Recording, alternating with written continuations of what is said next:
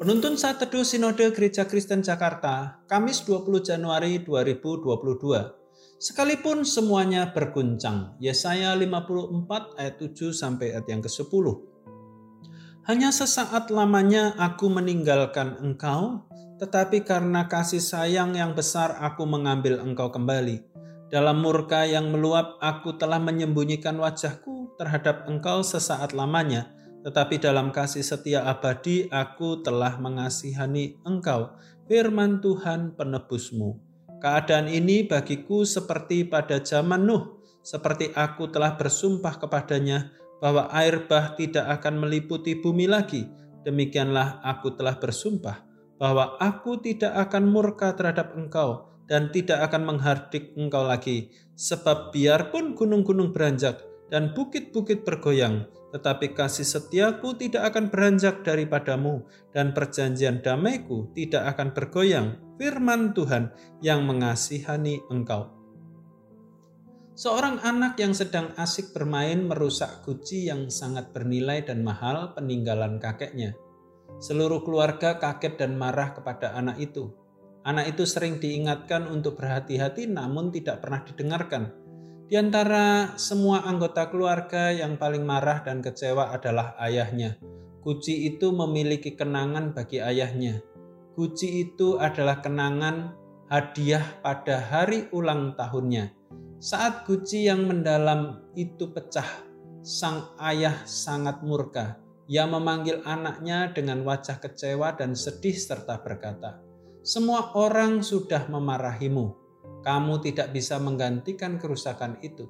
Ayah sangat ingin menghukummu, tapi kemarahan dari saudara-saudaramu sudah cukup memberikan pelajaran bagimu.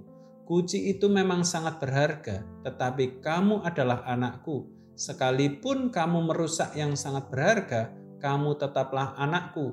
Kamu tetap lebih berharga bagiku, tak tergantikan oleh apa pun.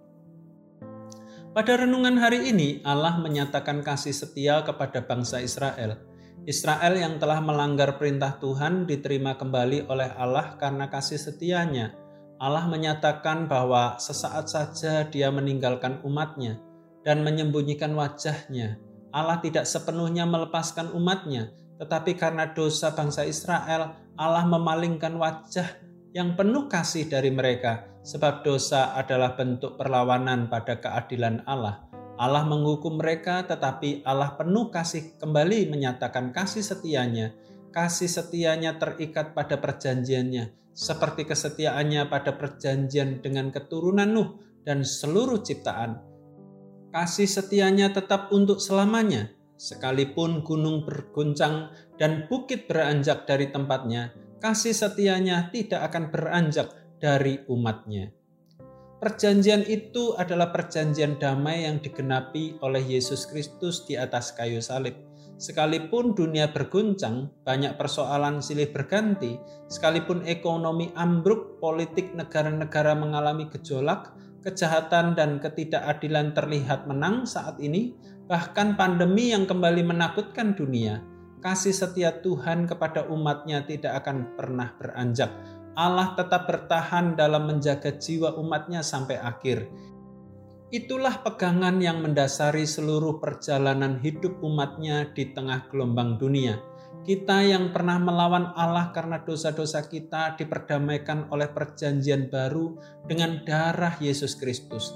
Kita akan mengalami kasih setia Allah yang kokoh dan abadi. Biarpun saat ini ada guncangan hebat dalam hatimu, berlindunglah kepada Allah, gunung batu yang teguh untuk selamanya. Tuhan Yesus memberkati.